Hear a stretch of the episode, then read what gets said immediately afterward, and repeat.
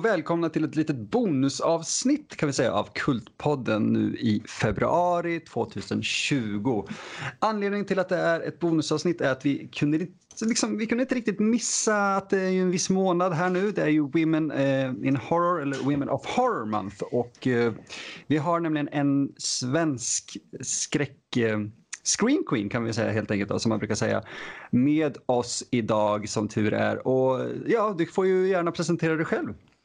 Ja, men tack för att jag fick vara med och jag heter Sara Jerski. Screen Queen, maybe. Definitivt, det skulle jag säga. Men vad bra, för då vet jag, då har jag sagt Jerski rätt. Ja, du säger nice. jättebra. Wow. Cool. det är många som klarar av det faktiskt. Eh, jag, jag hade lite så problem först. Och okay, jag var tvungen att prata med lite folk. Säger man? Och sen, ah, okej, okay, det var enklare än vad jag trodde. Ja, det är enklare än vad det ser ut att vara. Liksom. Precis. Ja. Du var ju osäker redan innan vi ens eh, drog in Sara i samtalet med. Så. Ja, men det blev lite ja. den här, kommer jag göra bort mig nu när jag väl kommer att prata med henne ordentligt igen? Ja. Uh, Ja, men eh, förutom att vara en grym skådespelerska, författarinna och även en, en host helt enkelt. Eh, kallar ni liksom Bitches of Horror en podcast eller är det liksom en webbserie? Alltså jag säger typ, um, vad är det vi säger? Bara en uh, YouTube review-sida helt enkelt. Mm. Ja, skulle det... den som podcast också, men vi har bara varit för lata för att få över allt till ljud. Liksom. Ja, vi, vi, har ju gjort det åt andra hållet. Vi är för lata för att ta in videobilden, liksom, eller videodelen. Ja, det är ingen som vill se hur vi, hur vi ser ut ändå. Så. Nej, alltså inte vissa kvällar när man sitter där med så här, en kopp sprit i princip och så här, bedhead och bara ah, vi ska prata om den här filmen idag. Ja, då kanske det är skönt att ha video liksom. Ja, precis. Uh, men det är så jäkla kul att du vill vara med oss. Uh, du har ju gjort en långfilm som jag faktiskt är väldigt imponerad över att ni lyckades uh, genomföra så bra som den blev. Sargad. Ja, men tack så mycket. Ja, och jag vill ju självklart, eller vi vill ju självklart prata om liksom, din bakgrund, ditt intresse och vad du har gjort innan dess. Men jag tycker ändå att vi tar Blair Witch, äh, inte Blair Witch, äh, Sargad. För det var nämligen, vi gjorde en intervju med... Nej, vi gjorde en intervju med någon som var med och gjorde Blair Witch och då, eh, min regel då var att vi ska inte prata Blair Witch i tre timmar. Ah, okay. Eh, så då var jag tvungen att tänka du vet, om. Så nu vill jag prata om det du har så här gjort som är det största du har gjort än så länge. Eh, som första grej. Absolut, det kan vi göra. cool. Tack så mycket. Så hur, hur fick du idén? Jag har ju läst lite grann och sådär, men jag tänker för våra lyssnare, vad grundar sig Sargad i och hur kom det sig att det blev just den som blev din debutfilm? Ja, alltså hade jag gjort lite kortfilmer innan men jag var jättesugen på att göra en långfilm även fast det är otroligt svårt när man är så begränsad. Men det började med att jag fick typ upp en bild i huvudet av en liksom, tjej som gick i skogen och var lite blodig och sådär och sen började jag bygga upp storyn kring det. Så, och så tog det mig ungefär nio månader och skriva manuset, ja, skriva om det flera gånger och kolla vilka som var intresserade av att hjälpa mig och om det ens här kan funka. Liksom. Så, och sen när jag hade fixat ihop ett crew så skulle vi fixa en teaser-trailer så vi åkte upp och filmade eh, i, under en helg lite teasers och lite små scener. Och sen efter det klippte vi ihop eh, tre olika teasers och lite promomaterial för en eh, Kickstarter-kampanj. Och sen efter det fick vi in lite pengar, men det var fortfarande jättelite för att göra en långfilm. Men vi kunde i alla fall hyra stugorna som vi behövde och göra lite SFX och så. Och sen filmade vi filmen i 13 dagar. Och sen, ja, blev det en film. det, det, är en sån där konstig känsla egentligen. Man spenderar mycket tid och fokus och pengar på någonting och helt plötsligt så sitter man där ett par dagar eller veckor senare och bara oj, jag har en film nu. Ja, men det känns jättekonstigt. Speciellt när den finns på DVD och folk ser den. Liksom. Det är jätteweird. Ja, det är ascoolt att ni faktiskt har fått ut den på DVD och så. Men eh, jag är ju extremt fascinerad över typ, du vet, små budgetar och liten tid. Ja, uh, för att alla gjorde ju det här liksom gratis och ställde upp för att de, ja, det var ett passionprojekt. Liksom. Så det var ju för att få ihop alla scheman och ja, det var mycket jobb och mycket flytt med schemat och ja. Det, det var en del krångel men vi fick ihop det på något sätt. Ja, uppenbarligen. Som sagt, det finns på DVD. Liksom. Men det, det är ju en logistisk mardröm överhuvudtaget. Mm. Men 30 000 har jag för mig att den gjordes för, eller hur? Det var, var 5 000 och sen la jag in några extra tusenlappar av mina egna pengar. Så eh, i runda slängor 30 000. Damn, det är fan bra jobbat faktiskt. Ja, tack. Alltså Men... för mig 30 000, jag bara damn, that's a lot of money. Men sen tänker man på hur mycket pengar typ alla andra får som jobbar i Hollywood för typ 100 miljoner. Man bara wow. Ja, det är inte ens cateringbudgeten liksom. Ja, men precis. Uh, nej men vi, vi, ett par av dem jag brukar jobba med har lite samma inställning till det här. Ah, fuck, 10 000, det kan vi göra mycket för. 20 000, det kan vi göra allt för. Och så kommer det här 30 000, wow! Mm. Uh, men det blir väl lite det också att när man gör en, en lång film eh, så ökar den här eh, behovlistan långt mycket mer än vad det gör när man gör en kortfilm kanske. För en ja. kortfilm är ju ändå att man, ah, det här har jag, det här har jag tillgängligt, det där kommer inte kosta så mycket. Men vid en långfilm så blir allt det där mycket mer svårtillgängligt helt plötsligt. Ja men precis, och man inser inte hur mycket det är förrän man ofta är på plats. Och bara, Exakt. här behöver vi också. Oj, det, ja. Bara en sån där grej som, okej, okay, var det någon som tog med sig gaffatejp eller silvertejp som kan typ rädda en hel produktion och bara nej. Massa såna där små saker. Man bara nej, shit, okej, okay. nu måste vi åka och köpa det här. Eller, ja. Eh, men hur lång förproduktion hade ni på Sargad egentligen? Eh, ska vi se. Vi filmade teasergrejerna, jag kommer ihåg oktober 2015. Och sen hade vi vår kampanj, tror den slutade i april eller något sånt. Mars-april kanske. Så ja, jag tror produktionen var, förproduktionen var mellan kanske december till maj, för vi började filma 21 maj. Så mellan den tiden så försökte jag hitta resten av alla skådisar, fixa stugorna. Uh, men mycket kunde man inte fixa förrän man hade pengarna då från kampanjen. Mm. så, mm. så det var mm. så lång tid som jag behövde. Och det var en av grejerna jag lärde mig från den. Att man behöver så mycket mer för uh, planering liksom, för allting. Men jag tror det kan vara en av de viktigaste grejerna man ändå kan lära sig Eh, just under en sån process när det är en så liten crew också, man i princip så här, egen producent, uh, att få ihop allting. Så det, det, är ändå lite coolt att höra att det var en sån insikt ändå. Uh, för att du har definitivt utvecklats. Jag, såg ju, uh, eller vi såg ju faktiskt Creative Killer som nu har premiär på Monsters of Film, eller hur? Ja, precis. Den kommer visas där. Det är fruktansvärt häftigt. När, ja. när var det den, när var Monsters of Film? 15 eh, februari och 16 och den visas 15 februari.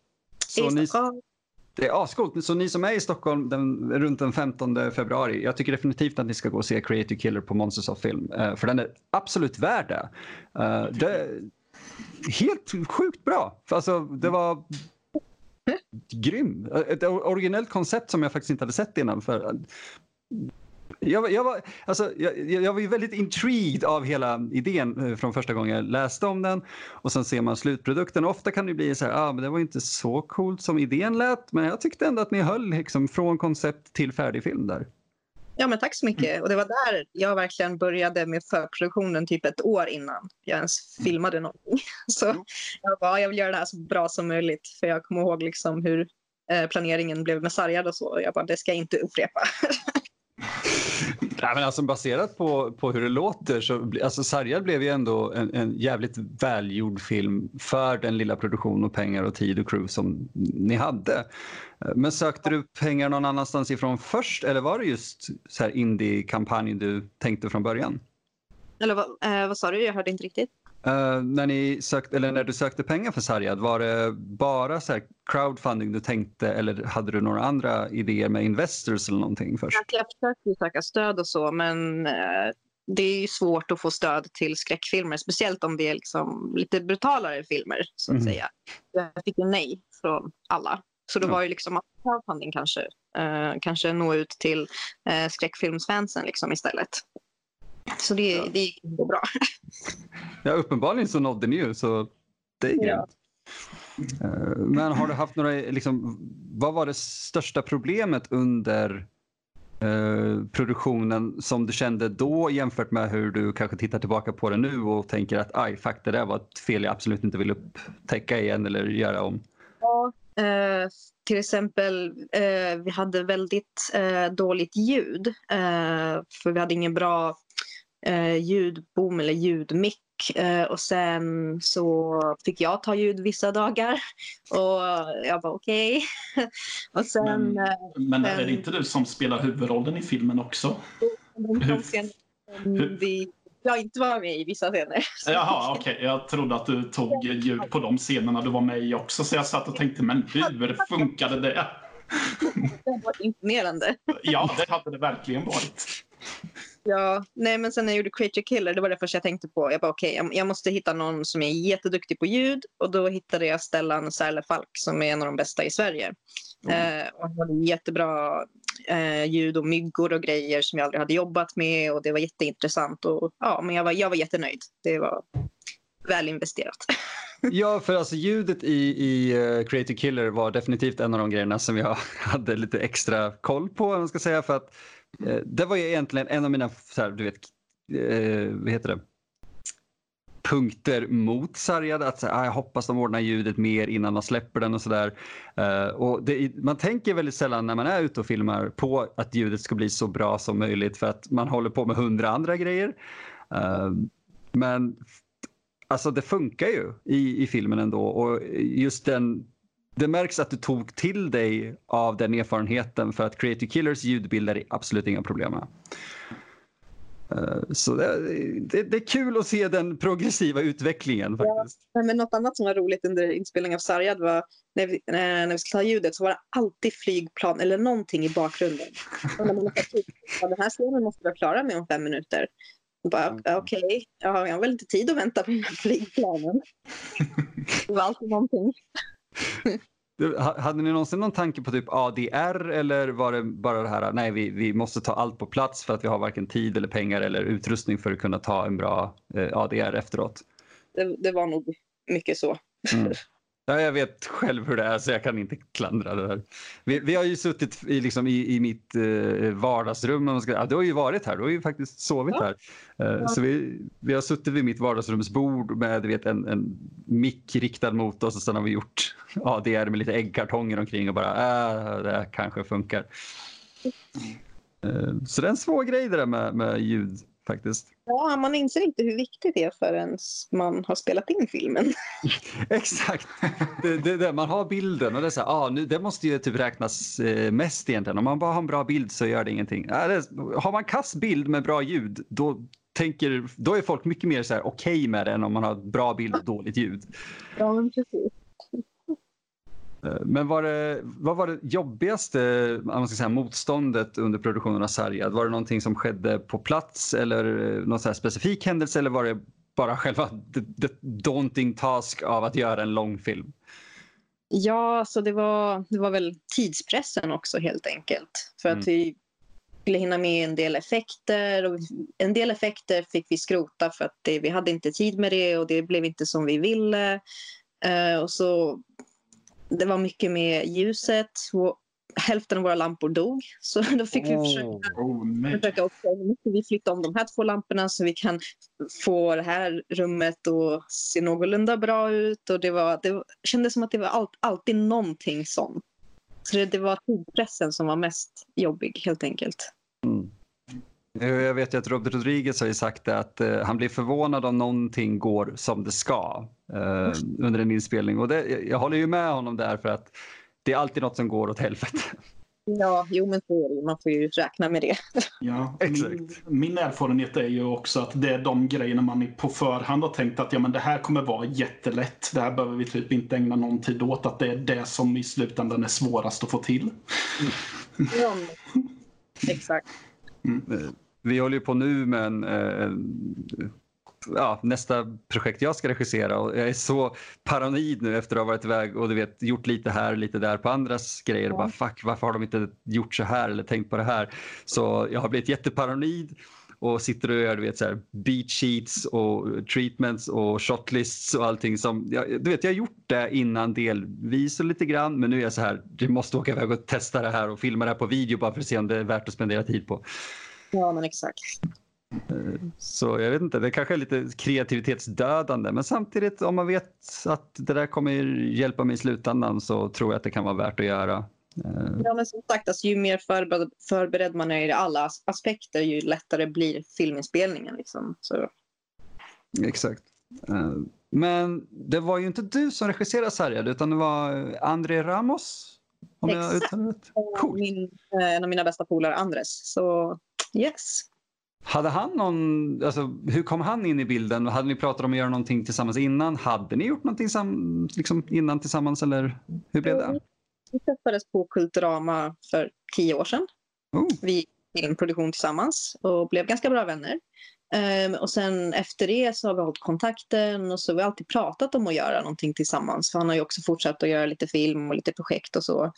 Och sen när jag skrev eh, det här manuset i Sargad så hörde jag av mig till honom och jag bara, ja, men jag vill att han, han ska regissera det här. För jag kände mig inte redo för det. Mm.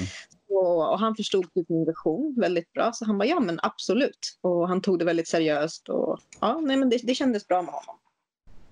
Ja, det, det kändes ändå som att ni, ni på något vis klickade ganska bra där för att det är en väldigt personlig historia tycker jag som lyfts fram i Sargad men den balanseras extremt, eller ja, extremt låter alltid så hårt men väldigt väl. Uh, och, och det känns aldrig påklistrat eller framtvingat utan det känns väldigt organiskt när handlingen utvecklas ändå. Och det tror inte jag att en, en regissör som inte hade förstått den uh, känslan som behöver komma fram eller eh, den kopplingen där hade kunnat hantera så bra som han faktiskt gjorde. Ja, men precis, för han kände igen mig ganska bra. Så det hjälpte nog en del. Mm, utan tvekan. Eh, Men har ni planerat att göra någonting mer nu i framtiden eller är det så här, ja men hittar vi någonting så blir det? Alltså, vi håller på att göra den här uh, komediserien nu, Attack Mm. of the Beatles. Så Just vi båda regisserar och skriver tillsammans.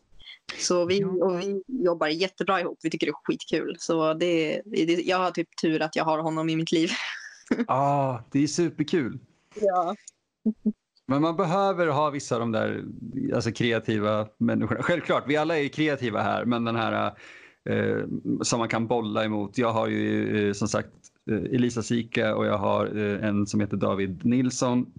Utan de två så hade jag haft väldigt svårt att komma någon vart med det jag gör just nu. Eh, så jag Ja, tror det, det är viktigt att ha det där bollplanket. Ja, men jag känner samma sak. Typ om jag fastnar någonstans eller no någonting oavsett vad det är. Även med Creature Killer, för han hade tyvärr inte möjlighet att delta i själva filminspelningen så bollade jag ändå runt med manuset till honom och idéer och så här. Ja. Så han kom med lite bra input så jag vänder mig alltid till honom. Ja, men jag tror det är bra. Eh, jag- brukar själv själv säga, ja, men du vet, jag är inte tekniskt eh, lagd. Jag, jag- kan tillräckligt för att du vet förklara vad jag vill ha.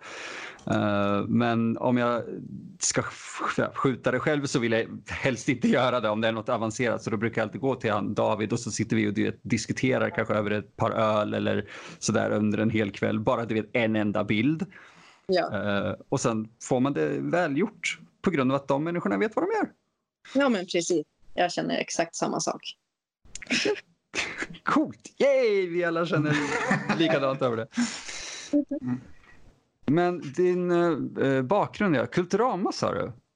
Så Ja. va- vart fann du ditt intresse för film? Eller var det film eller var det teater eller någonting som liksom kickade igång hela den här kreativa resan? Det var film. Eh, Allt, alltid sedan jag var liten har jag alltid liksom suttit fastklistrad vid tvn. Och jag började kolla på skräckfilm när jag var sex år. Såg Halloween då och fastnade för det. Nice! Sen började skriva manus när jag var 12 år. Så, och sen dess har jag bara varit besatt av att skriva och göra film. Liksom. Oh, det är väldigt coolt. Men du mellanlandade aldrig i teater och så innan det vart film, eller? Nej. Eh, Nej. Jag var alltid mer intresserad av själva film och filmskådespeleri Ja. än teater eh, faktiskt. Eh, Ja. Jag gick aldrig på teater eller jag hade aldrig någon som var in- intresserad av att gå på teater så jag växte aldrig liksom upp med det där riktigt. Nej. För jag vet att jag själv hamnade ju i teater för att jag tänkte att det kan säkert leda till film men det, det tog väldigt lång tid. För teatern ja. fastnade man i väldigt lätt. Ja, tror jag. Och det är ju två helt olika medier. Så. Ja, precis. Mm. Mm.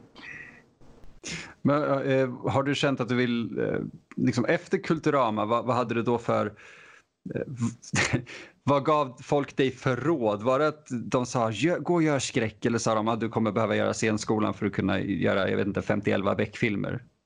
Nej, de, de, det var bara men, gör projekt, liksom gör, filma något typ. Fan vad kul, det är ascoolt. Ja, Den upp, det, mm? Nej, jag tänkte säga sen så, jag tror det var året efter, eh, så sökte jag till manuspiloterna och kom in där. Så då fokuserade jag bara på manus och det var jätteskönt. Nej, vad kul! ja. Jag tror det är eh, viktigt faktiskt ibland att just kunna fokusera på en aspekt för att kunna lära sig eh, hur allting kopplas ihop sen. Ja, men det var lite det jag kände på Kulturama. För att filmproduktion, det var ju liksom alla aspekter och man hade så kort tid för att hinna äh, träna på alla aspekter. Så man lärde sig det aldrig ordentligt. Och jag är inte så jätteteknisk av mig så jag var inte jättebra på att filma eller liksom ta ljud eller ja, jag ville ju helst skriva liksom. Mm.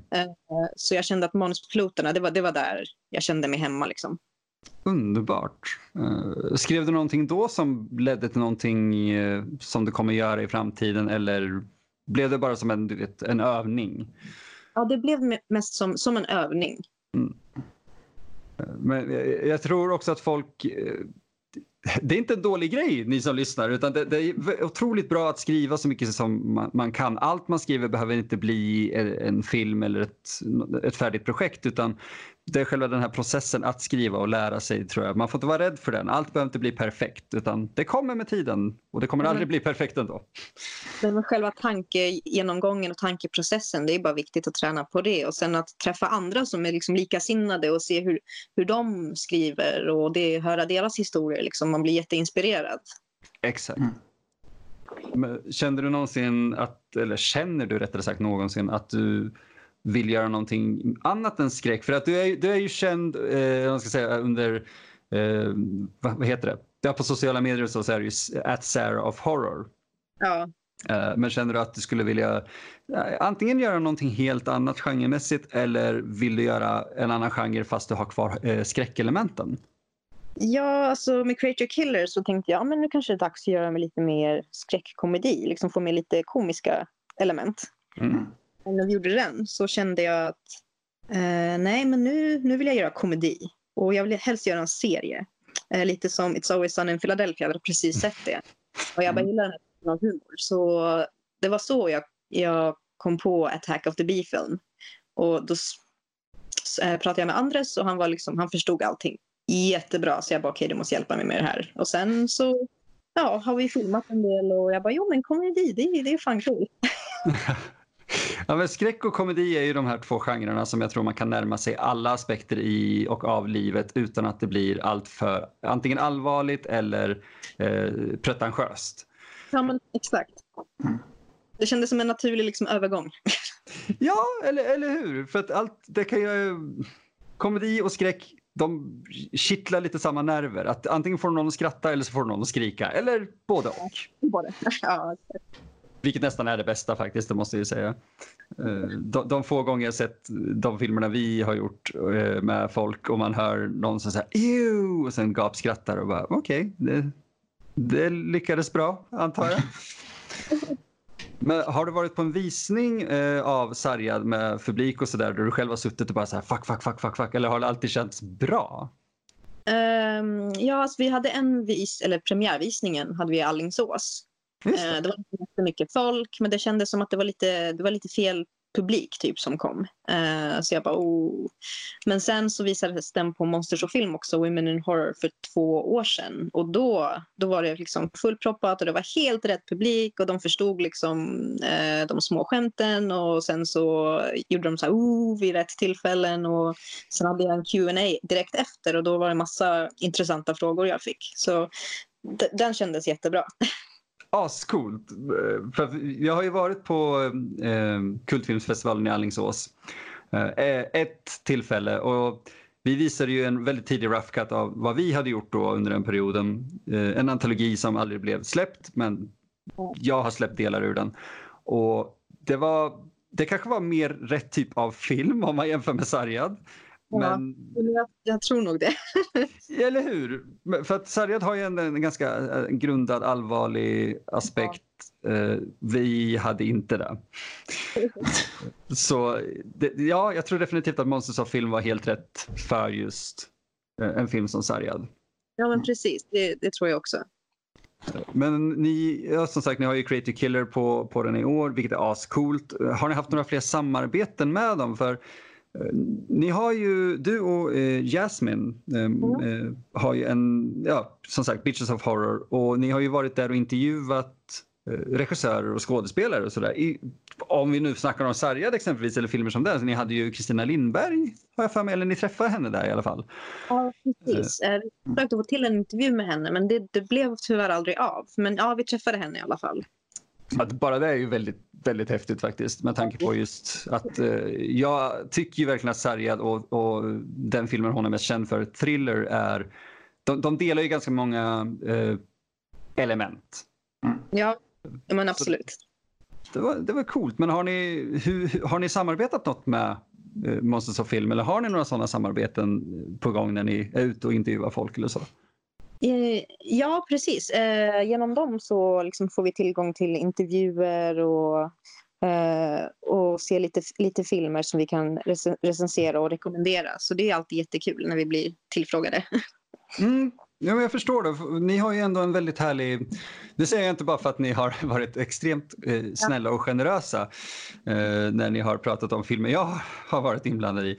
Men, men eh, jag, det är liksom ändå en av de där grejerna som jag tittar på eh, när, väl, när, när någonting nytt kommer så tittar jag på det. Det är inte alla jag gör det med. Du vet, det kan vara så här, ah, Red Letter Media lägger upp någonting, det kollar jag på om ett halvår. Men, ja, men... Mm, er följer jag. Ja, men tack, tack så mycket. det hade jag inte gjort om det inte var bra. Nej.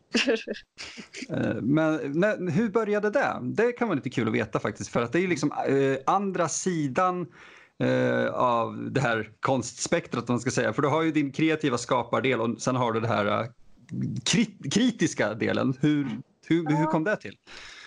Alltså det var ingenting jag tänkte att jag skulle börja med så, men det började med när jag träffade Jasmine för, vad blir det, fem år sedan snart. Uh, och efter vi hade hängt med varandra tre, fyra månader så, så kom hon på idén att ja, men, vi sitter ju alltid och snackar om film och kollar på film så vi borde bara filma oss och typ lägga ut det på Youtube. Bara när vi snackar typ skit om film och bara pratar om filmer vi gillar och inte gillar och whatever.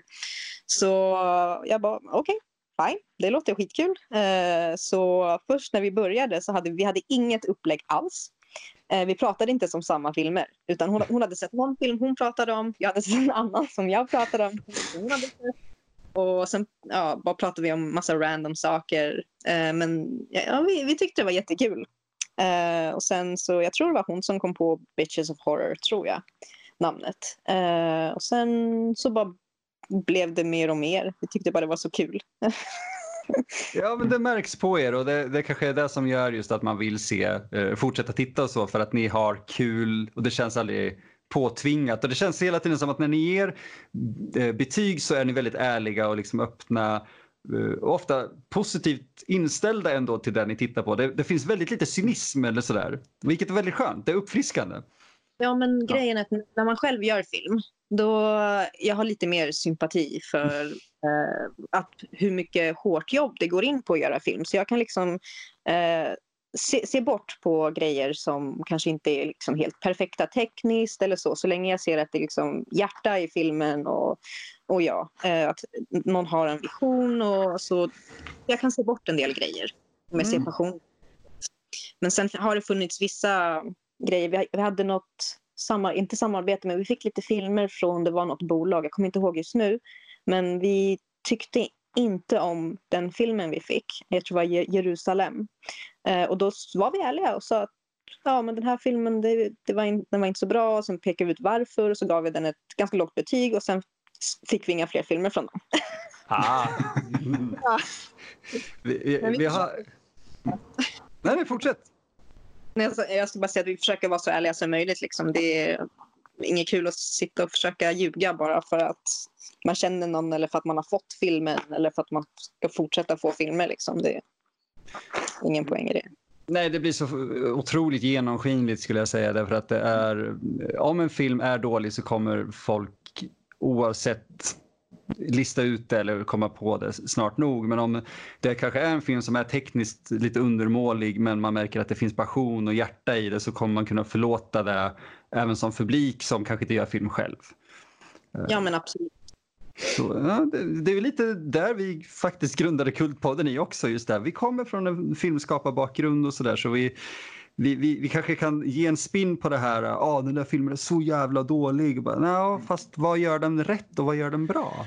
Ja, sen så är det ju, jag själv tycker att det är skittråkigt att lyssna på, lyssna på eller titta på ett avsnitt där man bara sitter och pratar om att en film suger men inte går in på varför den gör det. Och sen eh, blir det lite så här, du kan säga att filmen suger en gång, sen behöver du prata om lite annat också.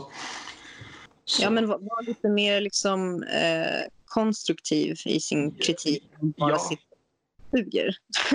Ja men pre- precis. Och ibland fin- Jag är också ett väldigt stort fan av att även om filmen på det stora hela är skit, finns det grejer som jag ser kvaliteter i så vill jag ju prata om det också och ge cred för att ja men det här är intressant, det är bara det att resten är inte bra. Men här är de något bra på spåren till exempel.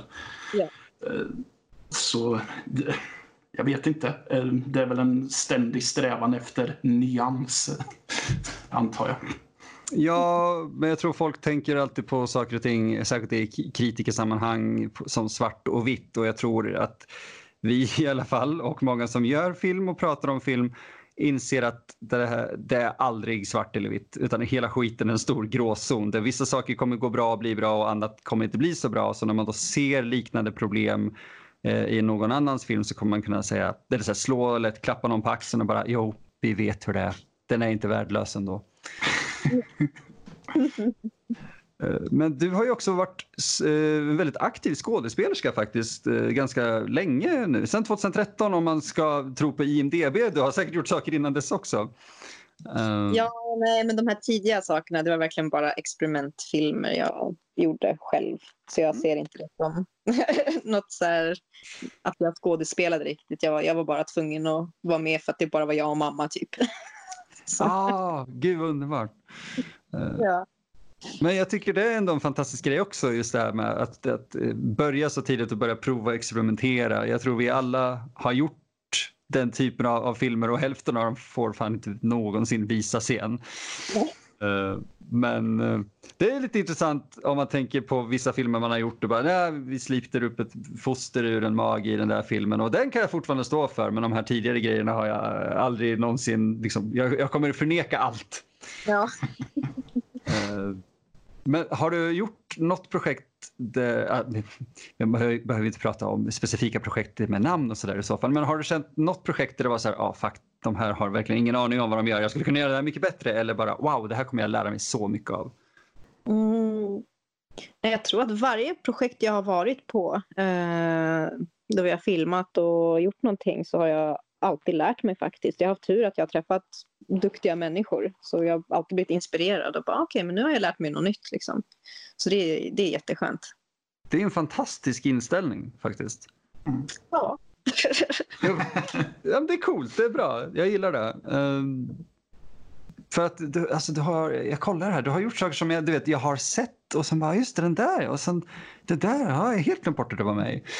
Ja, jag- Ja, men, eh, till och med ett av de projekten som, där du och jag tror jag träffades första gången eh, var ju eh, Drömmar om Las Vegas faktiskt. En film som kommer eh, relativt snart hoppas jag.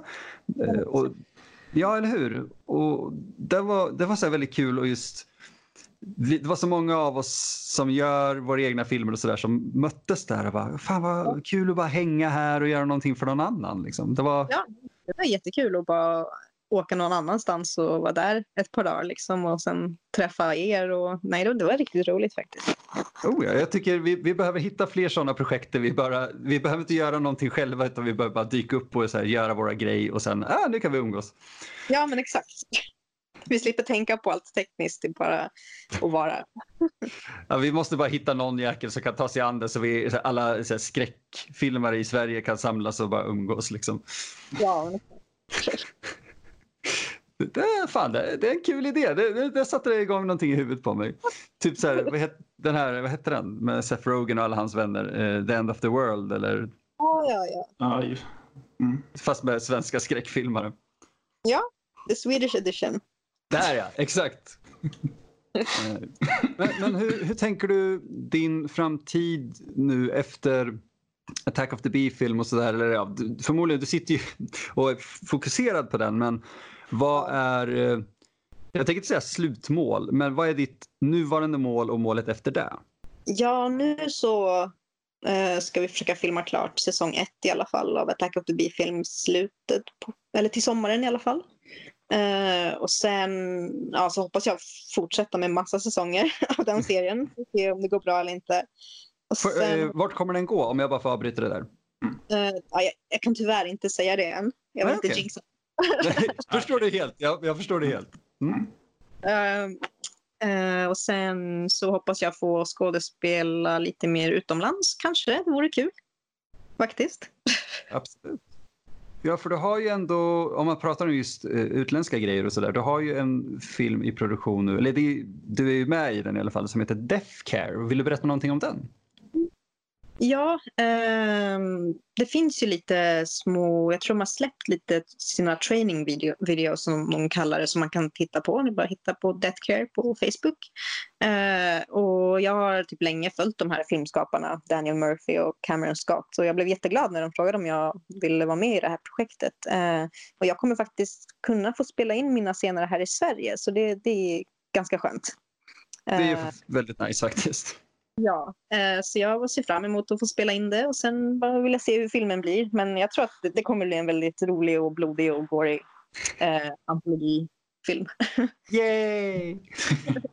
eh, nej, men det är lite skönt just det här med att kunna, eh, tack vare sociala medier och, och så, faktiskt kunna filma vissa saker för andra fast man är på andra sidan jorden. Ja, men vi har gjort ett par sådana saker här och vissa saker har annonserats men jag har liksom ingen lust att prata om dem Nej. öppet än. Eh, men eh, det är askul just för att man så här, ah, nu har jag varit iväg och gjort den här grejen och sen så är det någon som hör av sig och man tänker att ah, nu ska de prata om det här jag har gjort, liksom den här nya filmen jag håller på med och så kommer de med en, en cameo man gjorde för två år sedan och bara ah, jag såg det där, fan vad kul. Ja, just det. Jag var en del av det där ja, som jag helt glömt bort och som aldrig visades i Sverige. Ja, ja men exakt. Uh, men okej, fasen vad kul ändå. Matte, är det något särskilt du tänker på? För jag fick en sån här liten blackout här nu för jag sitter och går igenom lite tankar. Ja, inte som jag kommer på på rak arm. Uh, jo, jag funderade på ledmotivet i eh, Create Your Killer. Mm. Ja. Är, är, det specialskrivet för filmen eller är det lånat någon annanstans ifrån? Det är specialskrivet. Ja, eh, okay. mm. Han som, eh, en av de som redigerade filmen, Martin Gustafsson, gjorde även mycket av musiken. Mm lite småsaker, lite lånat. Men då klart vi kollade att det var okej okay med han som hade gjort det och det var okej. Okay. Men han gjorde de här liksom, åtta bitars musiken och allt sånt där. Och ja. fixade animationen och det i slutet. Så det, mm.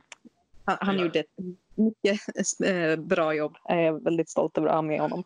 Ja, ja, verkligen. Jag gillade det jättemycket. Det passade tonen till filmen väldigt bra tycker jag.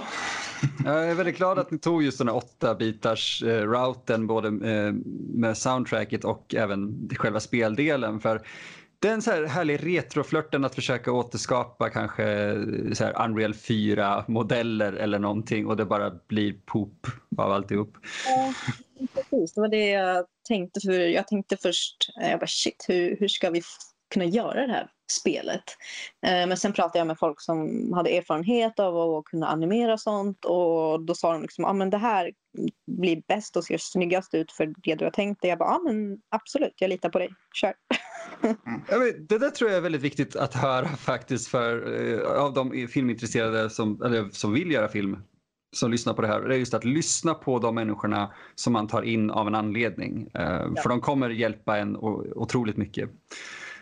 Men finns det så här ett har du liksom ett kärnteam där du känner att om de här skulle backa ur eller tacka nej så skulle jag inte gå vidare med det där projektet utan kanske vänta på någonting annat eller sådär. Ehm, jag vet att jag är sån med vissa projekt. Jag har alltid så olika människor som är inblandade i alla typer av filmer vi gör men är det så här, någon du alltid behöver ha i ryggen för att känna att nu kan jag faktiskt tänka mig att göra det här?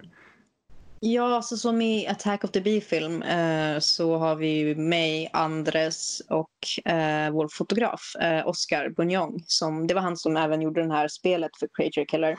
Eh, mm. så um, allt, alltid när vi tre liksom ska sätta igång och ja, men hur ska vi gå igenom ljuset för det här? Hur går vi igenom shotlist för det här? Om liksom, en av oss skulle backa då, då skulle det typ falla. Då, då skulle jag känna att jag kan inte göra den här serien. jag, jag, förstår den känslan helt faktiskt. Um, jag försöker själv mer och mer så här, distansera mig från det. Uh, inte alls så för att jag vill vet, slita mig loss ifrån dem jag jobbar med utan här, eh, om det nu skulle falla igenom att någon inte kan vara med eller så, så bara, fuck, jag måste försöka lyfta upp det här själv. Eh, samtidigt ja. så skulle ju passionen försvinna lite grann. Ja, men det blir lite så. Uh, så jag är jätteglad över att liksom ha dem, för jag känner att jag kan lita på dem och de, liksom, de är mitt crew. Ja, men eller hur. Du har, ni har ju träffat eh, Stockholm Syndrome eh, film exempelvis, eh, som är en, ett kollektiv med tre stycken eh, ja, killar helt enkelt. Det är ju Sonny Laguna, Tommy Wiklund och David Liljeblad. Eh, och det känns ju också som att där har vi ju en trio som de verkligen bouncear av varandra jävligt bra och fyller upp och kompletterar varandra ganska liksom, perfekt. Och om en av dem skulle göra någonting annat så jag vet inte, jag är nyfiken på att se vad eh, folk eh, i olika konstellationer gör på egen hand. Men samtidigt man blir lite så nervös. Ja, jo, det på. du, du, du, Men okej, okay. du, du har ju också en jävla cool bakgrund faktiskt som MMA-fighter. Ja. vill, vill, du prata någonting om det eller är det något som är så här, det där är gjort, det är lagt på hyllan helt även när man pratar om det? Nej, jag kan absolut prata om det. Det, ja. det var en väldigt stor del av mitt liv. Jag tränade ju ändå i sex år, tävlade och ja, det var liksom en stor del av mig. så att säga. Ja, precis. Det verkar ändå ha varit just en, en eh, precis som skräcken är idag så var ju det också en lika stor del känns det som när man följer dig på sociala medier och så. Jo, nej men absolut. Mina två största passioner är ju skräckfilm och MMA. Mm.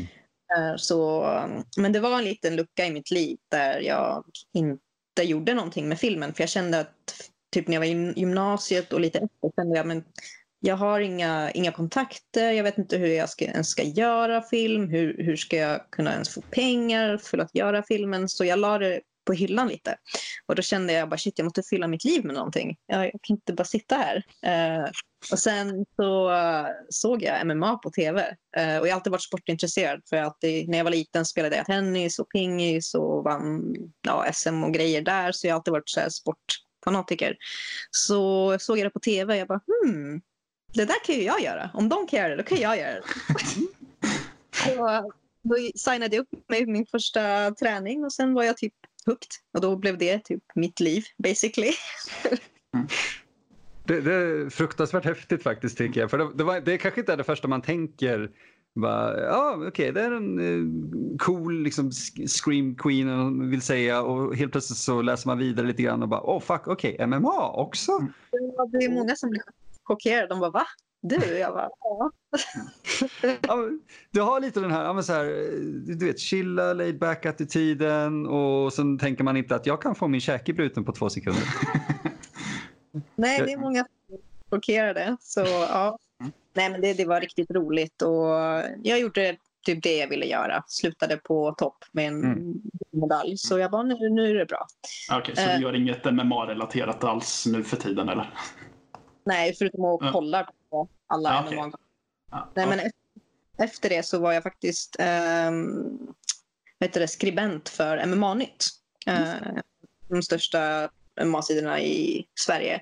Så jag jobbade där i ungefär ett och ett halvt år. Jag fick åka till Las Vegas för att vi skulle göra cover på tre UFC-galor. Så wow. det var jätteroligt att vara där i två veckor och, och bara latcha runt och kolla på galor och skriva och äta. Det, låter lite som så Fear and Loathing i Las Vegas, vilket är asballt. Ja, nej, men man blev ju rätt trött på Las Vegas efter att ha varit där i 13 dagar. Man blev rätt slut i huvudet. men det var riktigt. Så det var jättekul att jobba för dem. Och, men sen så kände jag att jag hade inte tiden att göra det för då började jag komma in i filmen igen. Mm. Eh, vi var sargade och så. Så då ville jag fortsätta med filmen för jag kände att det är ändå film som är den jag är. Så då vill jag fortsätta med det. Mm. Jag tror det är en hälsosam inställning också att ha eh, just det här att man kan göra någonting som känns extremt viktigt och är extremt viktigt i sitt liv under en period tills man kanske känner att ah, okej, okay, nu är jag, jag har gjort det här så här länge, jag är färdig med det här nu och nu går jag vidare. Även om det har varit just någonting folk kanske har identifierat den med. Ja, men precis. Det är svårt i början för man bara shit, den här grejen det är ju jag. Och sen när man inte gör det längre, bara, men vem är jag nu då? oh ja, jag har nog aldrig varit så, så förvirrad, vet. Eh, särskilt efter projekt faktiskt. För att då har man ju varit så insnöad på inte bara liksom film i, generellt utan just den här grejen och det där måste vara rätt och sådär. Och sen så blir det färdigt och man står där och bara Vem är jag? Ja. Eh, så ja, jag förstår den grejen. Just det här att försöka hitta sin identitet igen. Eh, oavsett ja. i vad. Ja, Nej, men jag tror man behöver en sån process i livet och bara komma, bara göra lite grejer, se vem man är och sen hitta det man verkligen vill göra. Mm. Det, det, är faktiskt en ganska intressant grej. För jag tänkte säga, Det är också någonting ni kan ta till er, ni som lyssnar. och så. Uh, för om man ska prata mer om sånt. Uh, för jag tänker att vi ska försöka runda av inom så här tio minuter ungefär. Vi ska inte ta upp mer av din tid uh, och vi vill inte tjata sönder någonting heller. men du har ju, om man nu ska säga enligt eh, många, då, kanske lyckats. Du har gjort en långfilm, du håller på med eh, många coola projekt. Eh, du, är liksom, du är fan mitt i gasen nu. Du, du, du, fan, du är på gång, Sara. Så vad skulle du säga, vad är så dina typ, topp inte, jag tänker inte säga någon siffra för vi, vi har lite låsta med det. Men om du skulle hålla en föreläsning exempelvis, vad skulle du säga i slutet där, där dina topp 10 tips eller någonting. Dina topptips för en eh, som vill komma in i filmande helt enkelt. Ja, alltså mitt eh, första och bästa tips det är att, att helt enkelt göra något projekt. Att bara spela, ta, ta en kamera och spela in någonting även om man inte har en budget. Så det är bara bra att börja någonstans och lära känna människor som är lika passionerade för film som du är. För då kommer man kunna skapa något tillsammans och då har man gjort någonting, man har lite erfarenhet, man vet hur det är på sätt och det, det är lättare att utvecklas vidare från det. För om man inte gör någonting då kommer man ju aldrig någonstans liksom. Jag tror inte jag kunde sagt det bättre själv faktiskt. Det, det är egentligen den. Ta en kamera och ge er ut. Ja, ja men exakt. Ta telefon, alltså telefonkamera. Gör, vad, gör, vad, gör någonting bara. Det, jag har fått den frågan själv så många gånger. Hur ska man börja? Ja. fan, skriv någonting på en servett. Skit i att skriva. Ta en kamera bara. Ja, men jag, för det är många som tänker ah, men min första film den måste bli så jävla bra. Jag ska vinna en eller någonting. Ja, men nej, det kan inte alls bli bra. Det, det kan vara jättedåligt. Bara, bara gör någonting. Eller hur? Just det där, släppa hela den pretensionen och bara så här fucking pang på, nu har du gjort någonting istället för att gå och vänta på det perfekta tillfället. För det, det kommer aldrig. Nej. Tyvärr. Om folk förväntar sig det. Jag är ledsen att göra er besvikna. Ja. uh, Men jag tycker väl egentligen att det är en ganska bra första intervju. Vi kommer säkert komma tillbaka och prata mer med dig i framtiden. Särskilt efter att Attack of the Bee-film, eller rättare sagt när Attack of the Bee-film närmar sig släpp. För då vill vi självklart prata med dig igen. Mm. Men har du någonting som du vill eh, plugga eller du vet, göra reklam för? Var ska man följa dig? Vart kan man hitta dig? Eh, man kan hitta mig som Sarah of Horror på Instagram. Um, och sen så får man gärna följa vår Youtube-kanal, Bitches of Horror. Såklart. Uppenbarligen, kom igen. Men jag tycker definitivt att ni ska eh, ge Sara en like eller en följa. Jag, jag, jag, mitt huvud går in i så här, give her a subscribe eller någonting. Prenumerera på Bitches of Horror och följ Sarah of Horror. Uh, för det är jävligt coola grejer helt enkelt. Ja, men tack. uh, ja, och vi är självklart otroligt glada att ha en av få svenska, svenska skräckkvinnor helt enkelt om man ska säga eh, i, med oss nu under februari 2020 som som sagt är Women of Horror Month. Eh, 15 februari så går Creative Killer, eller har Creative Killer en premi eller sin premiär på Monsters of Film i Stockholm och jag tycker definitivt att ni ska svänga förbi där. Och, eh, kommer du vara där? Ja, jag ska vara med på ett panelsamtal direkt efter om blod, eh, kroppar och kvinnan. Ja, men där hör ni ju, det får man ju inte missa. Nej, alltså jag, jag, jag vill nästan ta boka en biljett och åka upp och lyssna på det där själv. Kommer det finnas ja. tillgängligt efteråt eller är det bara en live-event? Jag tror att det är live. Jag har inte för mig att de har filmat dem tidigare, men jag, jag ska se om jag kan ta reda på det. Ja, det hade varit lite nice i alla fall för du vet oss som inte kan åka upp dit. Men... Ja, jag men, men, i alla fall, jag tycker definitivt att ni ska åka dit. Om, liksom, om ni har tillgänglighet eh, eller möjlighet så gör det. För jag, Monsters of Film är en jävligt cool festival och att de har Women of Horror Month tycker jag är eh, eh någonting som vi definitivt bör uppmuntra. Särskilt ja. i Sverige. Eh, genre-Sverige är väldigt lidande tyvärr faktiskt. Ja. Uh, men... Det är därför jag är glad att uh, Monsters of Film finns, för den har ändå lyft uh, genreintresset en del. Så det är en bra festival, så kom dit och supporta. Ja. Utan tvekan. Det liksom, Sara kommer vara där som sagt och hon är en av de här, ett av de här namnen enligt mig i alla fall som man ska hålla koll på i genre-Sverige och även utanför genre-Sverige. Men just det är där hon växer och gror och jag tycker definitivt att det är värt att hålla ögonen på. Uh, Mattias, vill du säga någonting mer? Nej, jag känner mig ganska nöjd. Eller hur? Sara, vill ja. du säga någonting mer? Jag känner mig också ganska nöjd faktiskt. Nu har jag suttit och pratat i en timme. Eller hur? Man blir så lite trött i skallen efter ett tag där. Men jag tyckte du gjorde ett grymt jobb. Ja, men tack själva. Det har varit jättekul att sitta och snacka lite så här avslappnat. Eller hur? Det, det, vi vill ha det istället för, vet, så vad var inspirationen till detta mörker som uh, fyller sargad? Nej, alltså det, nej, för fan. Nej, nej.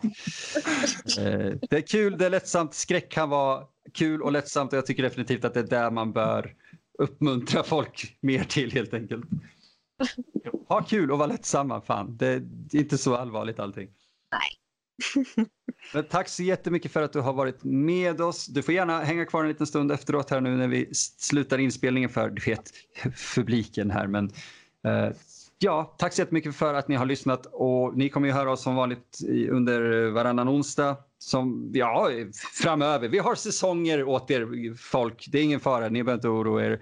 Vill ni oss någonting så kan ni självklart skriva till eh, antingen Mattias eller mig och då är det våra förnamn och sen at nordlivpodcast.se och vi svarar så fort vi kan. Vi har ganska mycket att göra just nu, men vi försöker.